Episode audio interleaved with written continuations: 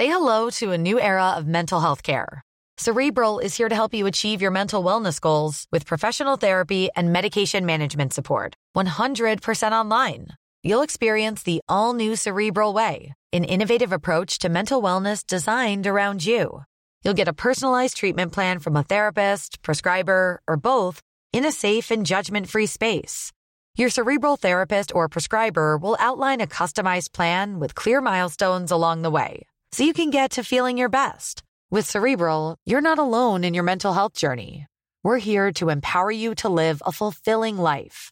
So take that first step towards a brighter future and sign up today at cerebral.com slash podcast and use code ACAST to get 15% off your first month. Offer only valid on monthly plans. Other exclusions may apply. Offer ends July 31st, 2024. See site for details.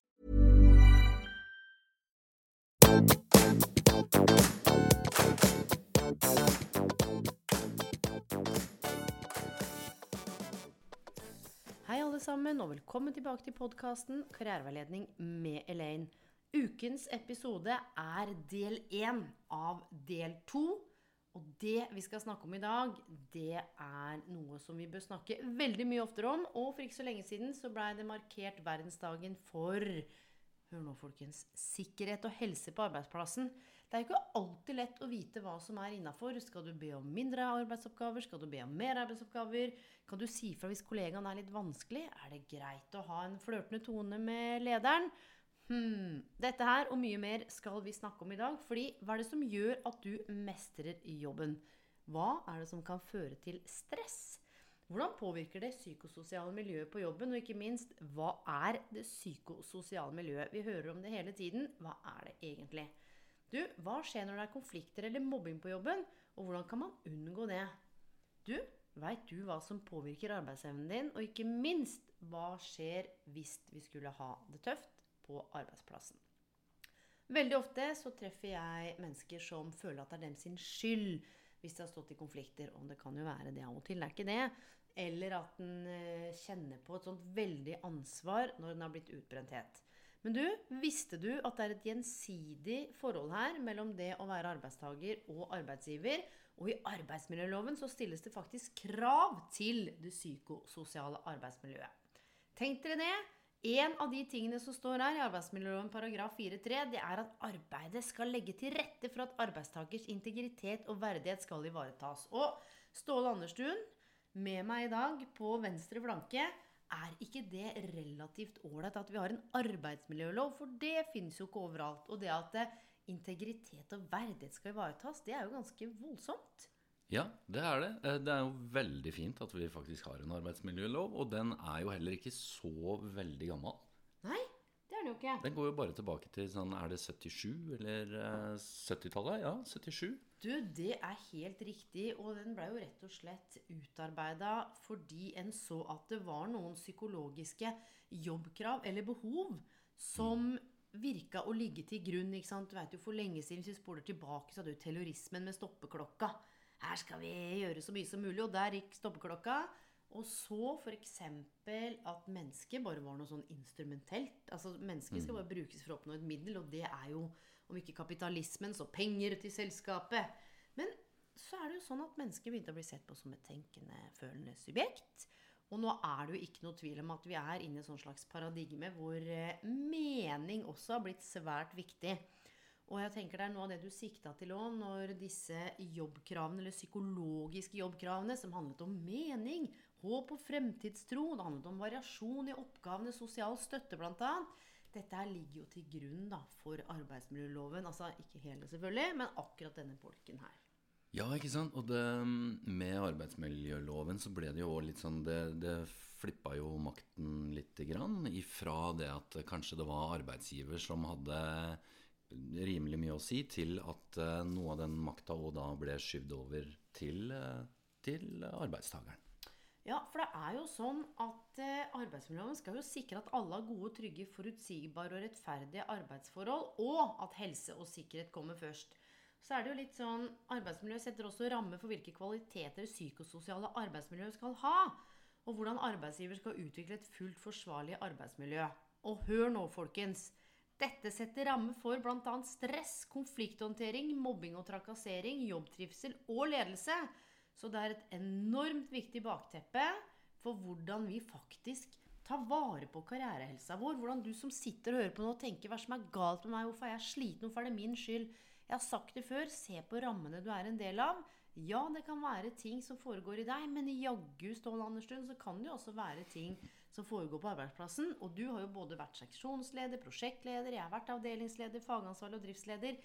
Vi har jo både sett og hatt ansvar for mennesker og opplevd mye forskjellig. Og jeg skal ærlig innrømme at hvis du spoler sånn 15-16-17 år tilbake, arbeidsmiljøloven, var den foran i pannebrasken din, eller? Nei, nei, nei. Den Nei. var aldri til stede hos meg, i hvert fall.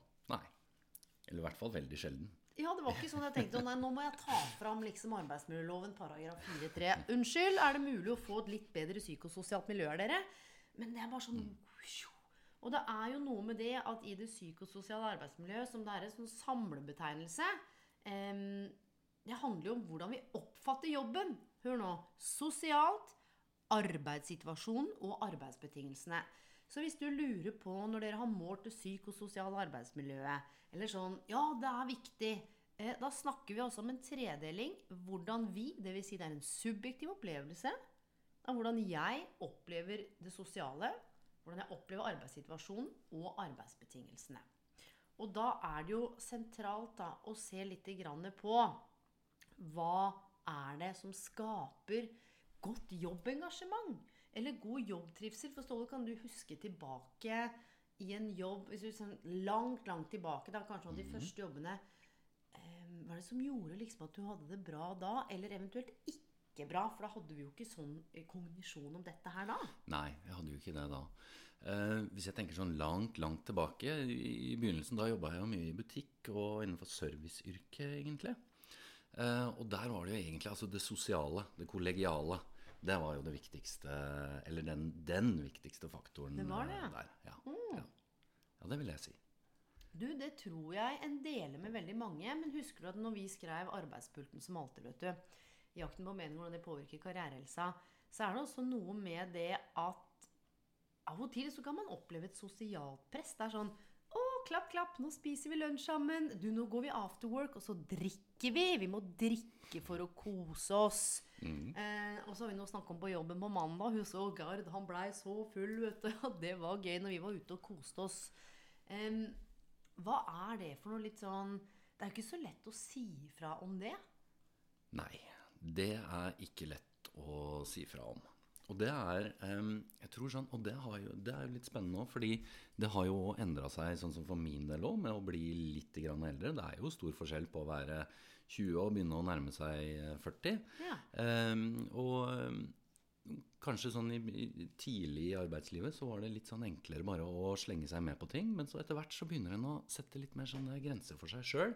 Hvor en da kanskje får lyst til å ta vare på seg sjøl på andre måter enn det en eh, gjorde tidligere. Eh, og da begynner en å kjenne litt på det her eh, presset her. Med at eh, en kanskje må være en del av Eller det kanskje er forventa at du skal være en del. Og det er dette her, de uuttalte forventningene og de, u, de uformelle strukturene. Og da snakker jeg sånn om det som ikke er uttalt. At når det er afterwork, så blir alle med. Jeg skal si deg én ting. da, Nå jobber jeg på karrieresenteret ved Universitetet i Oslo. Jeg har ikke vært med på én lønningspils. jeg. Du, Det handler ikke om folka, men det handler om at enten så har jeg hatt Aiden, eller så har jeg hatt lyst til å hvile, eller så har jeg hatt andre planer. Og akkurat det der, det å sette grenser, det er jo en viktig del av karrierehelsemodellen også. Og mye av det jeg ofte har sett, hvor det har vært utbrenthet Vi skal også nemlig se på, folkens, forskjellen på stress og utbrenthet, forskjellen på konflikter og mobbing. Så de gangene hvor jeg har jobbet med mm, utbrenthet annet, så har det også handlet om manglende evne til å sette grenser. Og det er ganske stygt å si manglende evne, men det er akkurat som den frykten for at andre ikke skal like en, eller du, det er vanskelig å si nei. Ja. Og der har jo faktisk også arbeidsgiver eh, spiller en sentral rolle, og ikke bare lesse på ting, eller kanskje følge litt med og si du, nå skal vi alle ut og drikke. Her kan en drikke vann, eller en kan velge å ikke være med, og begge deler er like greit. Og her ser du kanskje Altså mange har jo gått vekk ifra, kanskje som en liten sånn Med tanke på det vi snakker om nå, dette er at det, det heter ikke nødvendigvis lønningspils lenger, sånn som det het før, men det er mer sånn jobbdrikke. Som også skal Altså, eh, hva skal man si? Altså Ja, lavere terskel du, for at alle kan ja, bli med. For når du sier det, så tror jeg faktisk ikke UiO har ikke kalt det lønningspils. Så der har du faktisk et, et, eh, et veldig valid poeng. poeng. Ja, men så er det noe med det da, at når vi snakker om arbeidsmiljø, så har du liksom de psykologiske faktorene. De individuelle egenskapers betydning for hvordan vi mestrer og tolker arbeidsrelaterte forhold. For kanskje jeg har høyere grad av resiliens da, og tåler mer press og kaos i et arbeidsmiljø enn kollegaen min. Eller kanskje jeg står midt i et samlivsbrudd og kjenner at det, Å, fytte katta, nå kommer det mye på en gang. Jeg veit ikke helt hvordan jeg skal takle det. Så det er subjektivt, dette her. Vi har ikke noe sånn der ja, velkommen, nå skal dere få en fasit. Men bare til refleksjon. Så har du de sosiale faktorene. Det er hvordan de mellommenneskelige faktorene påvirker oss. Og der foregår det sjukt mye underordene, mellomordene, på sideordene, oppeordene. Åh, det er uformelt lederskap, det er klikker, det er ikke Det er veldig mye bra, men her, på det mellommenneskelige, her er det mye å hente. Her er det mye å hente. Um, og her tror jeg òg det er eh, mye som foregår uh, ute på jobbene, som er uh, uuttalt. Apropos det du snakka om. Sånn, ja, og, og det er derfor vi måtte lage denne episoden her, fordi det er jo arbeidernes dag. Uh, og så er det noe med ikke sant? Vi har arbeidernes dag og verdensdagen for helse og sikkerhet. Um, hvordan skal en adressere det sånn Jeg kjenner at det er noe som er litt sånn ubehagelig i miljøet. Jeg føler meg litt Ikke mobba, men kanskje litt fryst ut. Men det er vel bare jeg som er litt rar. Kanskje jeg er litt sjenert, eller jeg har vanskelig for å komme i kontakt med folk. Men det er noen e-poster jeg ikke får. Jeg blir sånn holdt utafor. Skal jeg liksom sutre til sjefen? Hva tenker de andre da? Skal jeg si ifra i gruppa? Så sier de sånn Hva er det du snakker om? Det er inkludert Du, apropos da, hvordan vi opplever det individuelle og de sosiale faktorene, og ikke minst så kan vi jo kjenne på at ting er direkte, sånn som Woho! Vi har fått til det fantastiske anbudet. Alle fikk e-posten, bortsett fra deg. Eh, det er ganske direkte, men sånn indirekte Du, jeg som lederen din, eh, jeg har organisert deg bort fra noen av de oppgavene du liker, fordi vi har en liten konflikt. Så nå skal du ha det litt kjipt på jobb. Eh, dette er så innmari komplekst og sammensatt, så hvordan Du, kan jeg spørre om noe rart? Du har Ja. jo en eh, Si hva utdanningen din er, masteren din. Du, jeg har en master i religionshistorie. Hvordan kan du trekke inn det Nå vet du ikke du at jeg skal spørre om det, så dette er litt sånn på stående fot. Jeg skal Mm. snakke litt saktere, så du kan uh, keep the wheels churning in your mind. Ja. Så nå snakker vi i norsk kontekst. Her ligger vi også på toppen nesten av uh, sykefravær. Em, det er et par land som ligger foran oss. Jeg husker ikke, jeg skal ikke Men sånn, vi er mellom sånn tredje- og tiendeplass. Ganske høyt. Eh, vi har en arbeidsmiljølov. Vi jobber hva da, 37,5 timer, satt på spissen. For mange eh, jobber jo veldig mye mer. Eh, Vi lever jo i et land, bank i bordet, som er ganske trygt og fritt. Hva hvis du kobler på alt det du kan om, om religion og menneskeheten og st sosiale strukturer? What's going on? What's going on? Ja, du, altså, jeg har jo alltid vært veldig opptatt av det at eh, Man tror gjerne at når en studerer religion eller religionsvitenskap, at en studerer bare religioner, og så kan Eller en Gud. Eller Gud, og så kan en masse da om de fem søylene i islam, eller alle høytidene i jødedommen. Og ja, ja du, det, det hører jo til det. Mm. Men det som ligger bak all religion, i hvert fall fra et sånn kritisk historisk perspektiv, Nydelig, dette liker er jo menneskene. Ja. Sånn at det er studiet av mennesker. Eh, så jeg vil dra det litt inn dit igjen at fra et litt sånn religionsvitenskapelig perspektiv her, det at man studerer mennesker Du, det er akkurat det. Man studerer ikke mennesker i isolasjon. Man studerer mennesker i grupper. Hvordan vi samhandler. Hvordan vi sammen lager myter og ritualer som handler om Og myter er jo bare historiene vi forteller oss selv, på mange vis. Og ritualer, du, det er det vi eh, gjør eh, igjen og igjen Ja. eh, som har betydning for oss og for fellesskapet. Sånn at jeg vil jo si begge de tingene du nevner her, dette med å kanskje føle på at du, du blir utelatt fra et fellesskap, eller at du på en måte blir litt sånn straffa og mister noen arbeidsoppgaver uten at du helt er klar over det, det er jo kanskje noe av det mest menneskelige av alt en kjenner på. Det er det å bli isolert fra noe, det å bli holdt utenfor. Og det er jo en taktikk som funker som juling. Det gjør den. Eh, og det er litt av det her som er interessant. Jeg er så glad for at du løfter det fram, med mindre en sitter alene og trykker på en knapp er totalt avskåret fra. Ikke sant? Så det er dette jeg har snakket om før òg. Den der helhetlige tilnærmingen til hvem blir vi i møte med arbeidsplassen, i møte med lederen, oppgaven, omgivelsene, og hvem lar vi virksomheten eller arbeidsplassen bli i møte med oss, da? Hvem lar vi kollegaene Du, og det her er jo noe med det um, Det er ikke så lett å gå på jobb og være seg sjøl fullt og helt til enhver tid? Eller er det det? For det er det jeg tenker på. De mellommenneskelige faktorene skal bare komme og si sånn Du, i dag er det skikkelig vanskelig. Alt er helt mørkt. Du ville bare si fra. Skal en gå inn og lukke døra? Ikke sant? For en er jo Ofte jeg har jobbet mye med konflikthåndtering og konfliktløsning i store organisasjoner. Og veldig ofte, vet du hva jeg begynner med da? Et, etter rammen er satt og sånn. Eh, du, jeg er litt sånn nysgjerrig på å fortelle meg hva slags rolle du spiller i dette. Sånn, nei, nei, det er jo ikke meg, det er jo han andre. Ja, men han andre ville jo ikke eksistert i denne relasjonen her uten deg. Så hva er det. Nei, men det er, det er jo han. Hmm. Hva må du tenke om han Skjønner du? Og så bare Ååå Så ikke sant? vi spiller jo en rolle her. Ja. Men som du sier, we're no island. Vi er jo ikke aleine. Og hvorfor vi gjør den podkasten her, det er jo nettopp det at det er en del ting som kan gå galt. Som kan skape stress, konflikter, utbrenthet og sykefravær. Og det er derfor vi bl.a. skal se på dette med jobbtilfredshet og jobbengasjement. Som på en måte ikke er motsatsen, men som det er forska på, særlig fra et arbeidspsykologisk perspektiv, ikke minst, at det er ti konkrete tiltak til deg arbeidsgiver, til deg leder, til deg som kjenner deg berørt av dette her. Snakk med lederen din, snakk med kollegaen din om dette her. Jobb med dette i møtene. Og da er det ti tiltak for å fremme jobbtilfredshet. Hør nå, mine venner. Autonomi. Kan ikke du si litt om autonomi, Ståle? Jo, altså autonomi, bare det å, å føle at du faktisk har litt medbestemmelse og, i hva som skal gjøres. At eh, ja, du får tildelt en arbeidsoppgave, men du eh, blir og da tildelt det ansvaret at du faktisk kan velge litt selv hvordan du løser den. Og det er jo kanskje noe de fleste har kjent litt på noen ganger, at eh, hvis de, og kanskje da særlig tidlig i arbeidslivet også, men hvor en får en oppgave, og så blir det veldig styrt hvordan du skal utføre den arbeidsoppgaven. Hva skjer med deg da? Du, Hvis du hadde spurt meg sånn direkte nå, så hadde jeg sagt sånn øh, Jeg føler meg kvert, jeg får manglende motivasjon, jeg opplever manglende tillit. Og det skal jeg si, når jeg jobba som avdelingsleder, så hadde jeg en direktør over meg. Husker jeg sa til han jeg trenger to ting. jeg.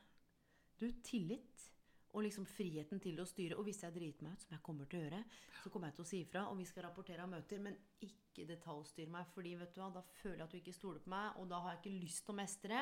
Da blir jeg ikke kreativ, jeg får ikke utvikla meg. Og så finner man en annen jobb. Jeg Yes. var ikke så tøff da som jeg er nå, dere. Men autonomi, sant? det er helt sentralt. vet du hva? Jeg skal gi dere et tips da til dere som er foreldre. Hvis du sliter med, her er en kobling, få ungen ut på morgenen, få han til liksom å, ikke sant? Nå må du puste, nå må du ut, nå må du ta på deg skoa.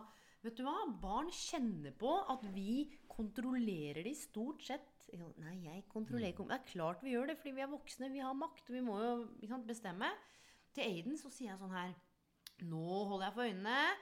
Og hvis noen har tatt på seg skoen innen jeg har telt til ti, da veit jeg ikke hva jeg gjør. Da tror jeg jeg kommer til å danse eller synge. Eller kanskje lage noen kjemperare lyder. Og så lukker jeg øynene. Du, den opplevelsen han får av frihet da, ikke bli stirra på overvåka Du, jeg kan garantere deg 9,9 av 10 ganger så er de skoa på. Ja.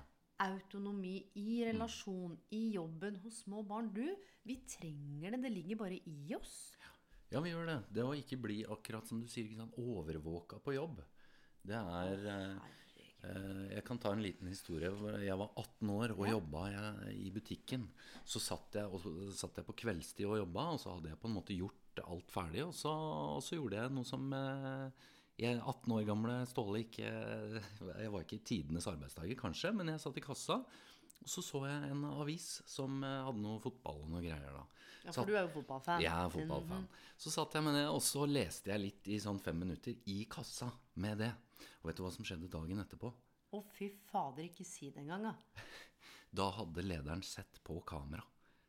Han hadde gått igjennom Fy og sett på kamera at jeg da hadde plukka opp den avisa og sittet i kassa og lest det. Selv om her hører vi til historien, det var jo ingen kunder i butikken. Det var jo veldig stille og rolig. Du, det der, er det lov? Ja, du, det er et godt spørsmål. Nå begynner jo det her å bli snart sånn 20 år siden. Jo, jo, men da har de sikkert kameraer overalt.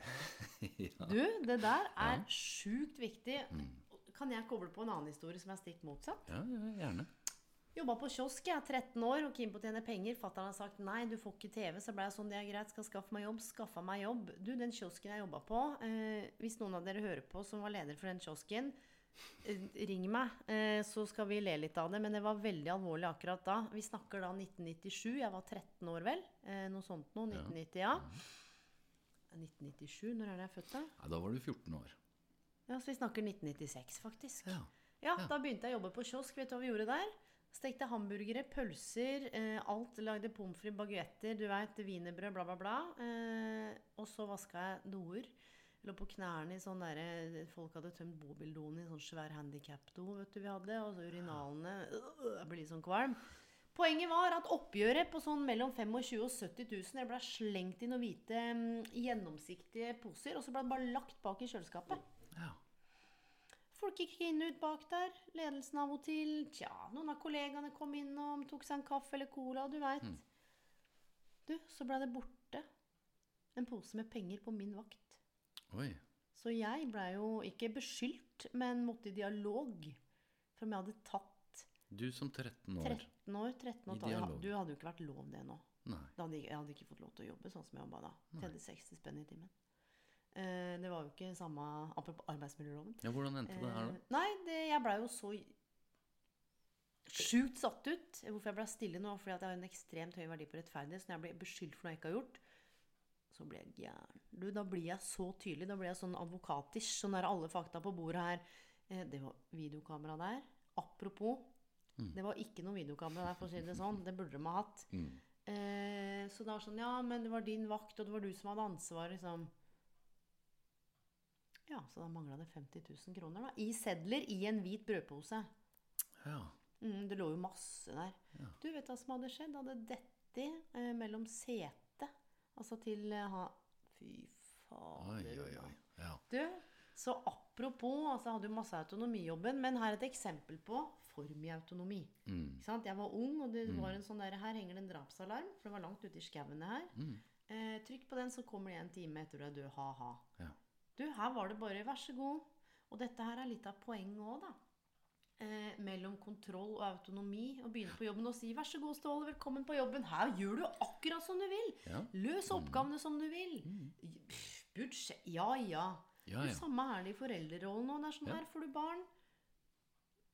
Er det, det er ikke noe instruks. Men det må jo være en balanse her. Ja. ja, det er jo nettopp det. Det er, det er en balanse her, så en, en kan ikke bare ha det ene eller det andre. Og så handler det litt om hvem vi er òg. Noen trenger jo litt mer rammer òg.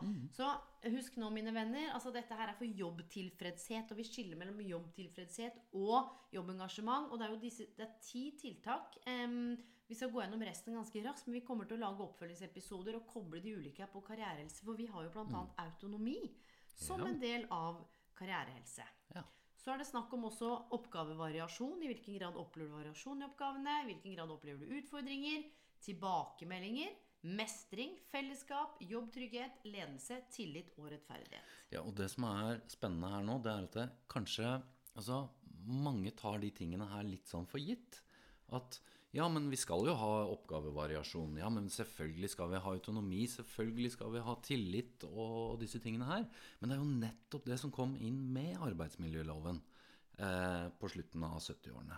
Hvor at det her ble satt på agendaen. Fordi det var jo ikke nødvendigvis en del av arbeidshverdagen.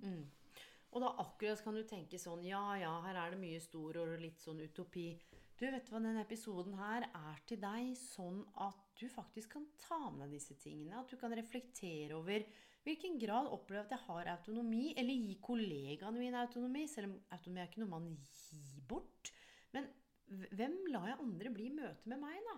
I hvilken grad gir jeg, for å bruke det nå, variasjon, eller har jeg variasjon? Gir jeg eller får jeg utfordringer? Og kanskje du har det ganske tøft akkurat nå, så du trenger ikke så himla mye variasjon. Kanskje det er der du skal gå inn og ha den dialogen og si du, nå har jeg akkurat mista noen, eller du, jeg har en tøff periode nå. Og jeg veit at jeg pleier å be om utfordring og liker det, men akkurat nå så må vi bare bremse litt, fordi det er nesten uoverkommelig for meg. Så bruk disse her også, f.eks. med tilbakemelding. Fortell andre hvordan du har lyst til å få en tilbakemelding.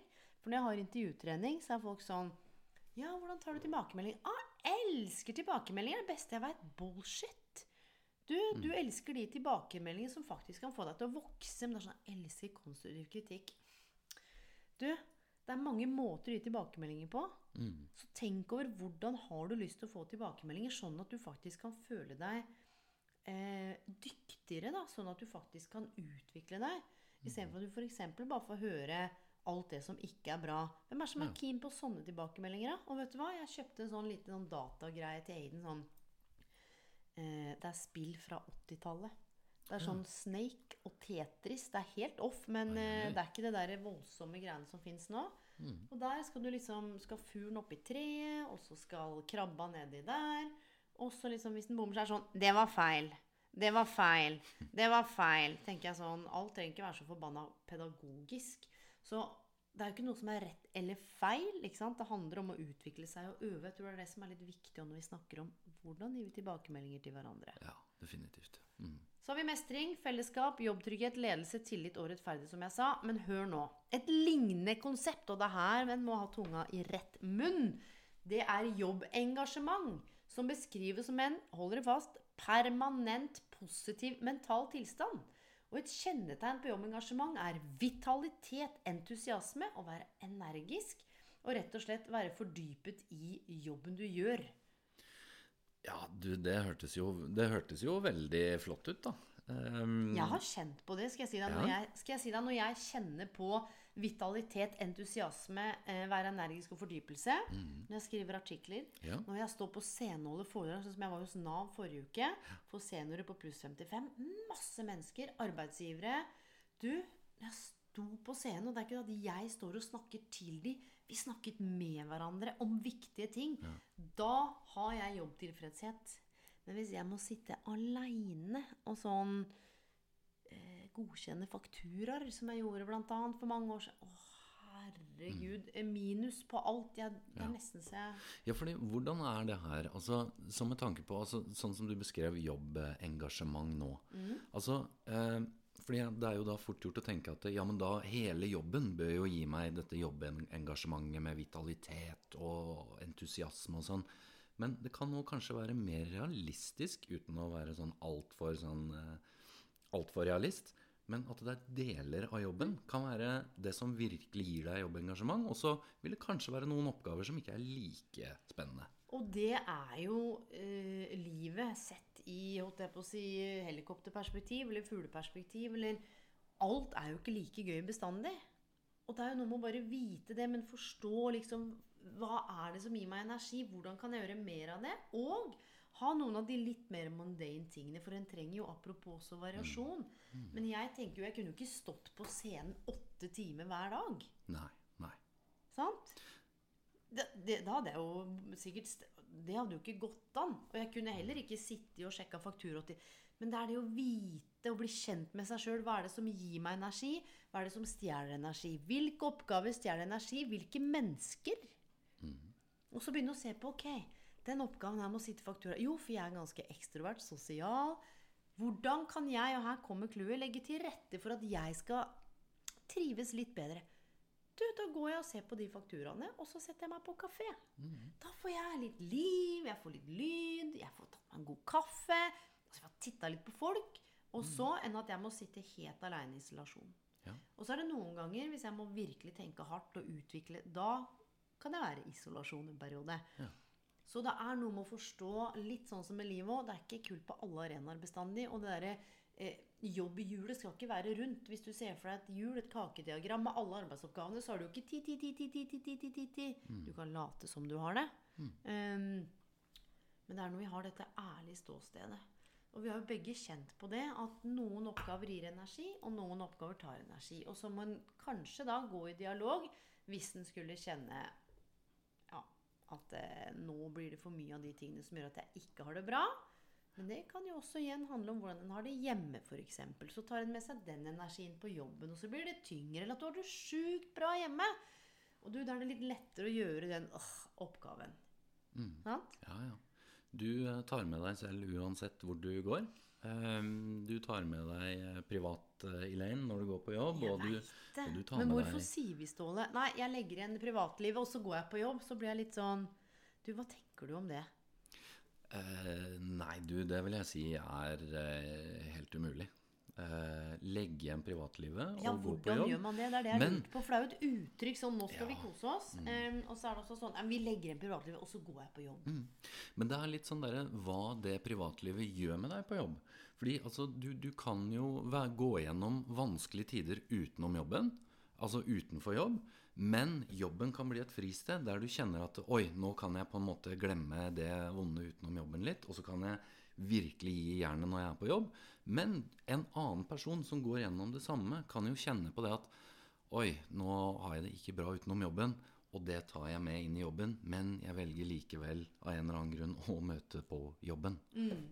Og det er så sjukt spennende. og Vi skrev jo også det i artikkelen, folkens. Det er både en podkast, vi har jo lest det høyt, altså Arbeidspulten som alltid, jakten på mening og det gjør med karrierehelsa. Akkurat det du beskriver der, da, hvordan en kan bruke jobben som flukt. Eller et sted å numme. Like a drug. Eh, jeg bare jobber, jeg. Overarbeider meg, overarbeider. Blir avhengig av sånn jobb, altså arbeidsnarkomani. Det er jo rett og slett et begrep som gjør at en blir avhengig av eh, sant, å gå på jobb. Og så er det jo sånn at det er ulike faktorer som påvirker hvordan vi har det på arbeidsmiljøet. Og det eneste og det er jo jobbkravene. For høye krav. Og dette lagde jeg en episode om. Hør nå. Eller for lave krav på arbeidsplassen kan føre til stress. Ja. Og den, den episoden jeg lagde, handla om utbrenthet i to dimensjoner. Det ene er når det blir for mye, og det andre er when you're bored out of your mind. Når det blir for lite. Ja. Men det snakkes det ikke så mye om. Nei, det snakkes det lite om. Eh, men det, det Altså, det burde virkelig snakkes mer om det. Eh, apropos dette her med arbeidspulten som halter, og det å finne mening i arbeidet. Jeg tror mange eh, Nå har jeg jo vært i arbeidslivet i ganske mange år, og mange som jeg har snakka med. Det er nettopp det her som de snakker om. Eh, det er jo det at jobben blir kjedelig, og den blir litt sånn meningsløs. Arbeidsoppgavene gir ikke mening. Hvorfor er det så viktig, da? Du, det er kjempeviktig. Men er ikke det bare et sånt privilegium fordi vi er her i Vesten, liksom? Du, bare det å eh, Altså, eh, hvordan man eh, jobba tidligere, var jo litt mer sånn helhetlig. ikke sant? Du, du starter på et produkt, og så følger du det gjennom hele prosessen og ser det ferdig. Se for deg eh, møbelsnekkeren Ja. Som eh, skal lage en stol. Eh, Jeg kan snakke om det her fordi jeg har en bror som er møbelsnekker. Og før, da han tok utdannelsen sin, da han skulle lage et møbel, så var jo han med på hele prosessen. Det var han som lagde møbelet. I dag eh, så jobber han eh, 10-15 eh, Vet du hva han gjør da? Han driver jo noe annet ved siden av. Ja, han det driver er med noe sagt, annet ved siden av. Nei, nei, arbeidsufør. Nei, bare, ja. Men uh, i forbindelse med det å være da møbelsnekker, så kjører han uh, de, Jeg kaller det planke, men det er nok noe annet, gjennom en maskin, og sørger for at de da er eh, riktig, riktig kutta til. Og det kan kanskje bare være en del av stolbeinet, da, for alt Ja, vet. ja. Men jeg har også sett altså, i, i det offentlige, eh, vært med på det sjøl, med arbeidsoppgaver også, hvor, hvor en føler seg avkutta fra resultatet. En, en ser ikke hvor det her ender hen, og det, det, er ikke, det er ikke bra med tanke på den, hvis du ønsker å finne mening i jobben, i hvert fall. Og det er derfor jeg var litt sånn streng med deg. Eh, og det, det kan jeg jo være. Ikke fordi jeg, Det bare slo meg. Fordi mening Du, jeg har dritlyst på mening, og vi har lyst på mening alle sammen. Men så veit vi jo også at andre steder så Vi hadde jo besøk av universitetet, Liberty University. Ja, Og vi, i artikkelen vår òg, så er det sånn mening har blitt den nye valutaen. Ikke sant? Vi bytter penger altså, Før så var det sånn du måtte ha penger for å overleve. Nå er det hvis det er meningsfullt, så vil jeg gjerne være med. Og flere av de sa jo sånn Meaning? We need to survive, woman. We need money. Money is our currency. Inntil de hadde blitt litt eldre, kanskje tatt seg en ekstra utdanning eller samla opp penger, så sa hun ene sånn Now I can truly do what feels meaningful to me. Men mening var noe som kom seinere, for nå handler det om å tjene penger. Ja. Ikke sant? Så igjen, da når vi snakker nå, så er det jo ment som inspirasjon, refleksjon.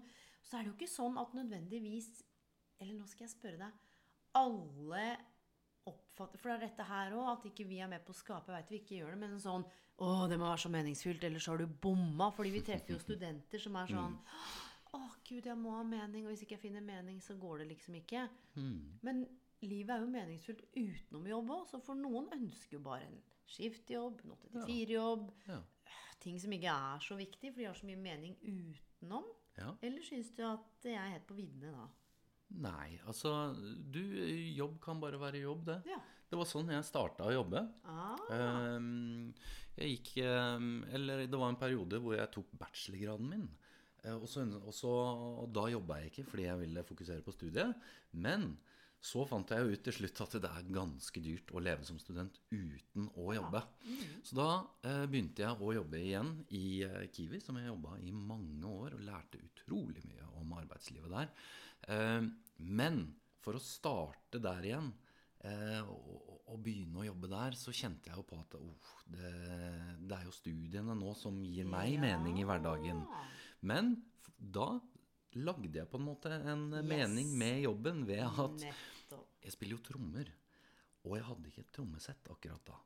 Så da tenkte jeg ok, men hvis jeg jobber så og så mye de to første månedene, så får jeg råd til å kjøpe meg et trommesett. Og gjett hva? Det var det jeg gjorde etter de to første månedene. Yes! Og der fant jeg en mening. Ja, og det er nå du er inne på noe. En kan skape mening. Mm. Det betyr ikke nødvendigvis at en skal skape mening hvis det er sånn veldig kjedelig eller altfor lave krav. Men det handler litt om sant, intensjonen med jobben en har, da. Ja. Så jeg syns dette her er så spennende, for i tillegg til jobbkrav, da, høye og lave, så er det også noe med rolleforventninger og jobbkrav. Og veldig ofte, og dette ser vi er noe av roten i konflikter om mobbing og trakassering også, forskning viser, vi skal komme Ja. tilbake til episode to, det er rolleoverbelastning. Du har for mye å gjøre, du er overbelasta. Det kan være personrollekonflikter. Det kan være rolleuklarhet. Det er sånn Er jeg egentlig Nei, er jeg det, eller er, er jeg i den gruppa? Eller hva er rollen? Du, i den gruppa, er det jeg som er lederen for prosjektet, eller? Du, jeg er litt usikker. Og så kan det jo være rollekrav. Både tydelig eller utydelig. Og alt dette her kan jo også foregå direkte og indirekte. Sånn som kanskje det finnes en sånn slags indirekte personrollekonflikt. Hvor det er egentlig ikke noe som er uttalt, men det er sånn mm, jeg og du Eller at det er sånn du, vi liker ikke hverandre. Det er veldig klart. Så mine venner, når vi snakker om faktorer som påvirker arbeidsmiljøet, så er det jobbkrav for høye eller for lave, rolleforventninger, det kan være egenkontroll, medbestemmelse og forutsigbarhet. Altså det å oppleve mangel på kontroll kan føre til usikkerhet og være belastende. Her må en også se på arbeidsoppgaver, arbeidsutførelse og ikke minst arbeidstid. Så er det jo sånn at det finnes jo ulike relasjoner, det finnes ulike jobber. Eh, Noen steder er det jo sinnssykt høyt tempo, man har ikke rom for å snakke sammen. Det er f.eks. masse pasienter på en gang, det har vært sykdom. Eh, andre så er det jo beredskap. Du, det er så mange ulike typer yrker og grupper og roller, så vi snakker jo litt generelt nå, så må en jo koble på sitt eget og få den lille veien i vellinga. Men det vi skal gjøre nå for denne episoden her, det er at vi skal avslutte med de fire perspektivene på sosial støtte før vi skal snakke om stress, utbrenthet, mobbing og konflikter i del to. Så det er jo sånn at det skilles mellom fire perspektiver på sosial støtte. Og den første det er jo sosial integrasjon. Hvor mange og hvor gode de sosiale båndene er. Ja. Du, det, og det er jo litt tilbake til noe du spurte meg om eh, det religionsperspektivet. Altså Ja. det, det menneskelige aspektet med jobben her. Altså um, Det er så viktig. Ehm, akkurat dette her med de sosiale båndene. Men de er jo òg Altså ehm, de, de kan jo òg være ganske sårbare, da. Kan de ikke det? Definitivt. Og så er det det her, ikke sant. Hvor mange og hvor gode. Det å ha to-tre veldig gode kollegaer hvor du er trygg, Ja. istedenfor å Ikke sant. Noen liker jo å være del av en større gruppe, er litt rundt omkring, lukker døra, åpner døra, sitter på pulten. Noen trenger kanskje en eller to som de kan være trygge på. Så hvorfor vi snakker om disse perspektivene, er så hvordan du kan kjenne deg igjen i forhold til hvordan du opplever sosial integrasjon. Sant? Hvor sterke, da, hvor mange bånd har du, og hvor mye er det du tror at du trenger. Ja. Så det kan definitivt være sårbart fordi hvis det er høy arbeidsbelastning, Hvis du har det tøft hjemme, så kan det være at nettopp de gode båndene er det som gjør at det kjennes godt å komme på jobb. Du, ikke at det er noen som gir deg masse råd og herjer, men at noen bare lytter empatisk, ser deg, hører deg og tar deg på alvor. Du, det kan være verdt sinnssykt mye det, hvis en går gjennom noen ting. Ja. Den andre pilaren det er et tilfredsstillende samspill, og det er jo et godt sosialt klima med gode relasjoner til to dette er todelt kollegaer og ledere. Og legg merke til at de er skilt, for ja, lederen din er kollegaen din. Men visste du at lederen din har styringsrett? Oh, ja, hva betyr det? Ja, hva betyr det? Du, det er et uh, godt spørsmål. Altså, um, man kan jo uh, gå inn og Altså gjennom uh, arbeidsmiljøloven så gir jo det meg som arbeidstaker masse rettigheter. Men til syvende og sist så er det faktisk arbeidsgiver som kan bestemme. Så lenge man ikke bryter loven, selvfølgelig. Og det betyr at hvis du f.eks. sier nei til noe, så kan det, og så må du se kontrakten din nå, der står det 'kan måtte gjøre andre oppgaver', 'kan bli pålagt andre oppgaver', 'kan bli pålagt Det kan også stå i kontrakten. Men det betyr, i tillegg til at leder-arbeidsgiverperspektivet har rett og plikt til å ta vare på deg, Ja. passe på at du har det godt på jobben, du, det er din leders ansvar sammen med deg, selvfølgelig. Fordi du ledere er mennesker som har ikledd seg en rolle. Du veit at det er vanlige mennesker. Jeg må bare si det, for det er litt sånn De opphøyer lederne som noe sånn vanvittig oppå en sånn pidestall. Du, det er helt vanlige mennesker det, som har hatt sine ting, men som kanskje enten har noe tilleggsutdanning, eller kanskje har jobbet seg opp, eller har noe spesielt innenfor fag, eller bare er naturlig gode ledere. Eh, Men det fins jo en del ikke-gode ledere også, hvis det går an å si det. Em, og jeg har ofte tenkt sånn her når jeg har en leder Hvorfor skal jeg ledes av vedkommende? Hva er det vedkommende har som på en måte er bra for meg? Ja. For, for meg, når jeg jobba som leder, så handla det om å be of service. Ja. Hvordan kan jeg legge til rette, bistå, utvikle, hjelpe til, utfordre? Um, sant? Nå var ikke jeg noe perfect leader i hele tida. jeg var Nei, ung inne i gamet, jeg. Nei. Eh, Jeg hadde gått mye på trynet og lært masse. Men litt sånn Hvordan skaper en det gode samspillet? Og det er noe med å spille lederen sin god òg, da. ja. Så, Du, og her er det litt sånn spennende med tanke på, på ledere. En ser altså Mange ledere blir jo òg eh, ledere basert på at de er gode i jobben sin. Det var Altså- meg. Altså de, ja, de er gode i arbeidsoppgavene de skal gjøre. Og så går de videre og blir ledere. Men så er det sånne som uh, kloke mennesker, sånn som Simon Sinek f.eks., eksempel som har vært ute og sagt at det, ja, men det er ett skillset. Men så har du et annet skillset som er mer sånne human skills, altså mellommenneskelige eh, egenskaper som du snakker om nå. Hvordan ta vare på de ansatte. Alle disse tingene her. Eh, man blir leder basert på eh, arbeidsoppgavene man er god på, ikke nødvendigvis på eh, de mellommenneskelige tingene. Eh, og man får heller ingen opplæring nødvendigvis på de mellommenneskelige egenskapene og ferdighetene når du blir leder. Så her òg kan det jo være litt sånn ensomt å være leder noen ganger også. Du, definitivt. Og så er det noe med særlig mellomlederrollen jeg hadde i mange år. Du, dritten i midten står i sånn skvis mellom eh, styret og sant, hva som forventes og kreves og tal, og menneskene. Så det er masse etiske dilemmaer. Så det tilfredsstillende samspillet igjen. Tenk på hvordan har du det, og ikke minst hva kan du bidra med. Nummer tre oppfatte tilgjengelig støtte. Om man føler at man kan få støtte fra andre. For én ting er at vi sier sånn Ja, ja, her er vi glad i hverandre, og her kan du få støtte. Men kan du det? Liksom when the shit hits the fan. Hvem blir folk i de tidene hvor det er trøbbel? Bare legge merke til hva som skjer med personlighet, altså mellommenneskelig spill, hvordan folk blir. Så dette er subjektivt igjen, da. Det kan godt være at noen har sagt ja, men herregud, jeg støtter deg jo hele tida. Du er inne på kontoret mitt. Men hvis jeg ikke opplever det som støtte, er det ikke støtte, da? Du, det er um, en, en, en vond ting å kjenne på. Det, det, ehm, det er jo det at hvis du føler at Eller du, du, du opplever at ja, her er det et støttende miljø. Og så sier du kanskje fra i plenum og et eller annet eller noe, og så blir det dørgende stille rundt deg. Og litt sånn kleint. Litt kleint. Ingen andre eh, sier fra eller støtter. det, det er jo en veldig sånn i Apropos det å føle seg litt alene. Du, det har jeg kjent på før. Ja. Jeg bare sier ting rett ut. Jeg liker å litt sånn foredrag på Nav. Så kåpen i oppvaskmaskina. Vi må snakke om de tingene vi ikke snakker om. Ikke sant? Og du, jeg og du, vi har kjent på sjukt mye forskjellig. Vi trenger ikke velge ut alt nå i denne episoden. Um, Men- jeg har kjent på det. men- Jeg har kjent på å miste det.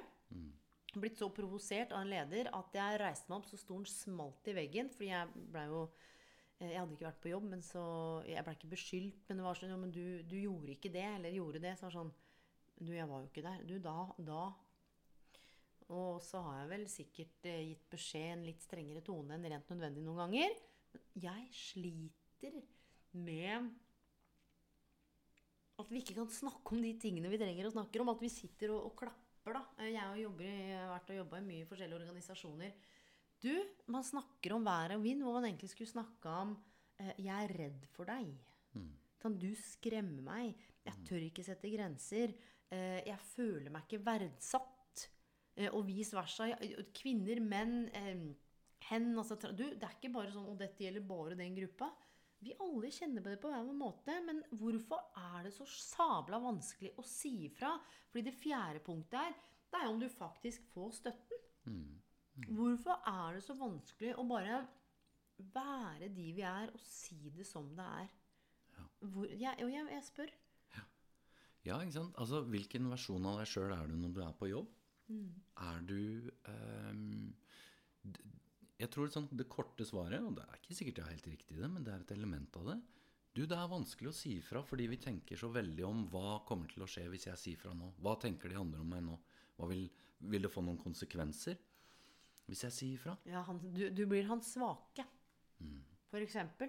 At man tenker, Ja. tenker sånn ja, ja, han svake, han tålte ikke det, eller Ja. Og det er hun sutrer um, hen som blir så sint hele tida, som Ja. gjør, og maser. Jeg får bare la det gå, da. Eller Ja. den som aldri skjønner noen ting. Ja, ikke sant? Og så er det sånn å, Vil det påvirke mulighetene mine for v- mulighet, altså karrieremuligheter, f.eks.? Sånne type ting. Du, det er eh, både sånn horisontale eh, med tanke på det kollegiale og det mellommenneskelige, men også litt mer sånn det, det vertikale. Med tanke på hvis du ønsker å gå videre oppover eh, i organisasjonen, f.eks. Ja, og så tar man kanskje det med seg hjem. da, så har det vært en fin dag. Ja, jo, i dag så sa jeg fra. Når jeg gjorde det, så ble det enten represalier, det ble helt stille, som du sa, eller jeg så kollegaene og så, ikke sant, Og her er hele poenget, og så har man den dialogen gående i huet hele tida. Gruer seg til å begynne å gå på jobb. Det er- så mange ting her. fordi det er jo ikke bare det at vi er på jobben fysisk med hele oss, men det er jo det når vi ikke er på jobb, så driver vi med fake resting eller fake stressing. holdt jeg på å si. Vi, vi kan jo mane fram Jeg har snakket om dette med mental trening, hvordan hodet funker, alt det. Tidligere episoder. Hvordan vi skaper indre bilder. Så vi lever både i den indre og den ytre verden. Så du kan jo komme hjem fra jobb, skal egentlig være med familien din, eller slappe av og dra på trening, men så er du egentlig mentalt på jobb. Mm. trigger emosjonene dine. Det trigger en følelse av noe. Du kan, du kan trigge akutt stress, da. Med å faktisk eh, ute og gå deg en tur, og plutselig så kommer du på den konflikten du hadde, og så trigger det noe i deg, og så så setter det seg i kroppen, og så kommer du hjem, så var det bra gåtur. Nei, jeg har det ikke bra. Eh, og det er noe som utspant seg for eh, tre timer siden, åtte timer siden, sju uker siden. Men det er fortsatt ikke blitt adressert. Og det er litt dette med den elefanten i rommet, da. At den bare er der som en sånn big elephant, men vi, bare, vi må liksom gå rundt den. Ja.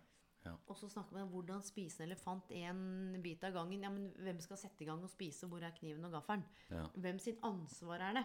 Ja. For det er jo ikke sånn at alt ligger på arbeidsgiver. Nei, nei, nei. Det, det gjør du ikke. Og så tror jeg det er viktig det du er inne på her, altså dette her med litt sånn work-life balance. Dette her med Altså hvis du ikke sier fra om noen ting på jobb, og du bare spiser det i deg, og så kommer du hjem, og da blir det kanskje enklere å si fra. Eller det blir kanskje enklere å snakke om alle de tingene som har gått gærent i løpet av jobben. Fordi altså, da er du plutselig rundt de du er mest glad i. Og det er jo ofte litt sånn, og det er der en føler seg kanskje tryggere. Og her er jo òg veldig Altså, hvor trygg føler du deg på jobb? Føler du at du har den tryggheten? I det så ligger den sosiale støtten, blant annet. Du, dette her er sjukt viktig når vi snakker om eh, helse og sikkerhet på arbeidsplassen. Og kjære lytter, dette her var selvfølgelig som lovet del én. Her har du både fått jobbtilfredshet, jobbengasjement. Vi har sett på ulike former for sosial støtte. Vi har snakket om og faktisk brutt ned ja, hva består dette psykososiale miljøet av. Og du vet at det er et lovverk i ryggen. Arbeidstaker skal være godt beskytta. Det betyr ikke at man skal oppføre seg som en complete Egypt på jobben. en har jo et ansvar her. Og så er det sånn at med helseutfordringer, eller kanskje mentale lidelser eller Det er ikke alltid vi veit alt. Det er ikke alltid vi klarer å styre alt. Men det jeg veit, og det jeg lærer Aiden, for vi leser om en bok som bl.a. handler om skam, det er at når vi snakker om ting med noen vi stoler på, om det er én, så kanskje den karriereskammen blir litt mindre. Og jeg skal love deg, det du, kjære lytter, har tenkt på, følt, de bildene du har fått opp i hodet nå, det er du ikke aleine om. Det er noen andre som har følt det på sin måte, men i litt av den samme drakta. Og det er litt av det som er poenget med denne episoden nå. Ja, helse og sikkerhet. Du, vi har et ansvar, men det er ikke på dine skuldre alene. Så du har oss. Eh, På Facebook så kan du gå og sjekke Karrierehelse. Det er en side som er på går nå. Kommer det til å komme ut masse videoer og tips og verktøy etter hvert. Men i mellomtiden så kan du jo følge meg på Lane underscore Bloom, eller send meg en mail på lane etter lanebloom.no hvis det er noe du lurer på. Og Ståle Anderstuen, du er jo å finne du òg. Du, jeg er å finne både på LinkedIn og andre steder. Ja, Så ja, Bare å google det. det er bare å google meg. Google. Ja. Ok, mine venner. Tusen takk for at dere har vært med i snart 50 minutter. Viktig, viktig ting. Eh, Karrierelse skaper morgendagens bærekraftige arbeidsliv. Det er derfor vi gjør dette vi gjør. Har lyst til å utgjøre en forskjell sammen med deg, sånn at vi kan fjerne noe av karriereskammen, av overarbeidingen, av frykten for å si fra, sånn at vi faktisk kan ha det godt alle sammen. Og med det, hvor enn akkurat du er i verden, på gjenhør. God morgen, god kveld, god natt, og stay tuned, for om en lita uke så kommer faktisk del to. Mobbing, stress, utbrenthet, konflikter. Hva er forskjellen? Hvordan skal du vite når du er i hva? Og ikke minst how to deal with it. Tusen takk, Ståle, for at du delte ditt kloke hode. Selv takk. Selv takk. Vi snakkes neste episode, da. Det gjør vi. Ha det godt.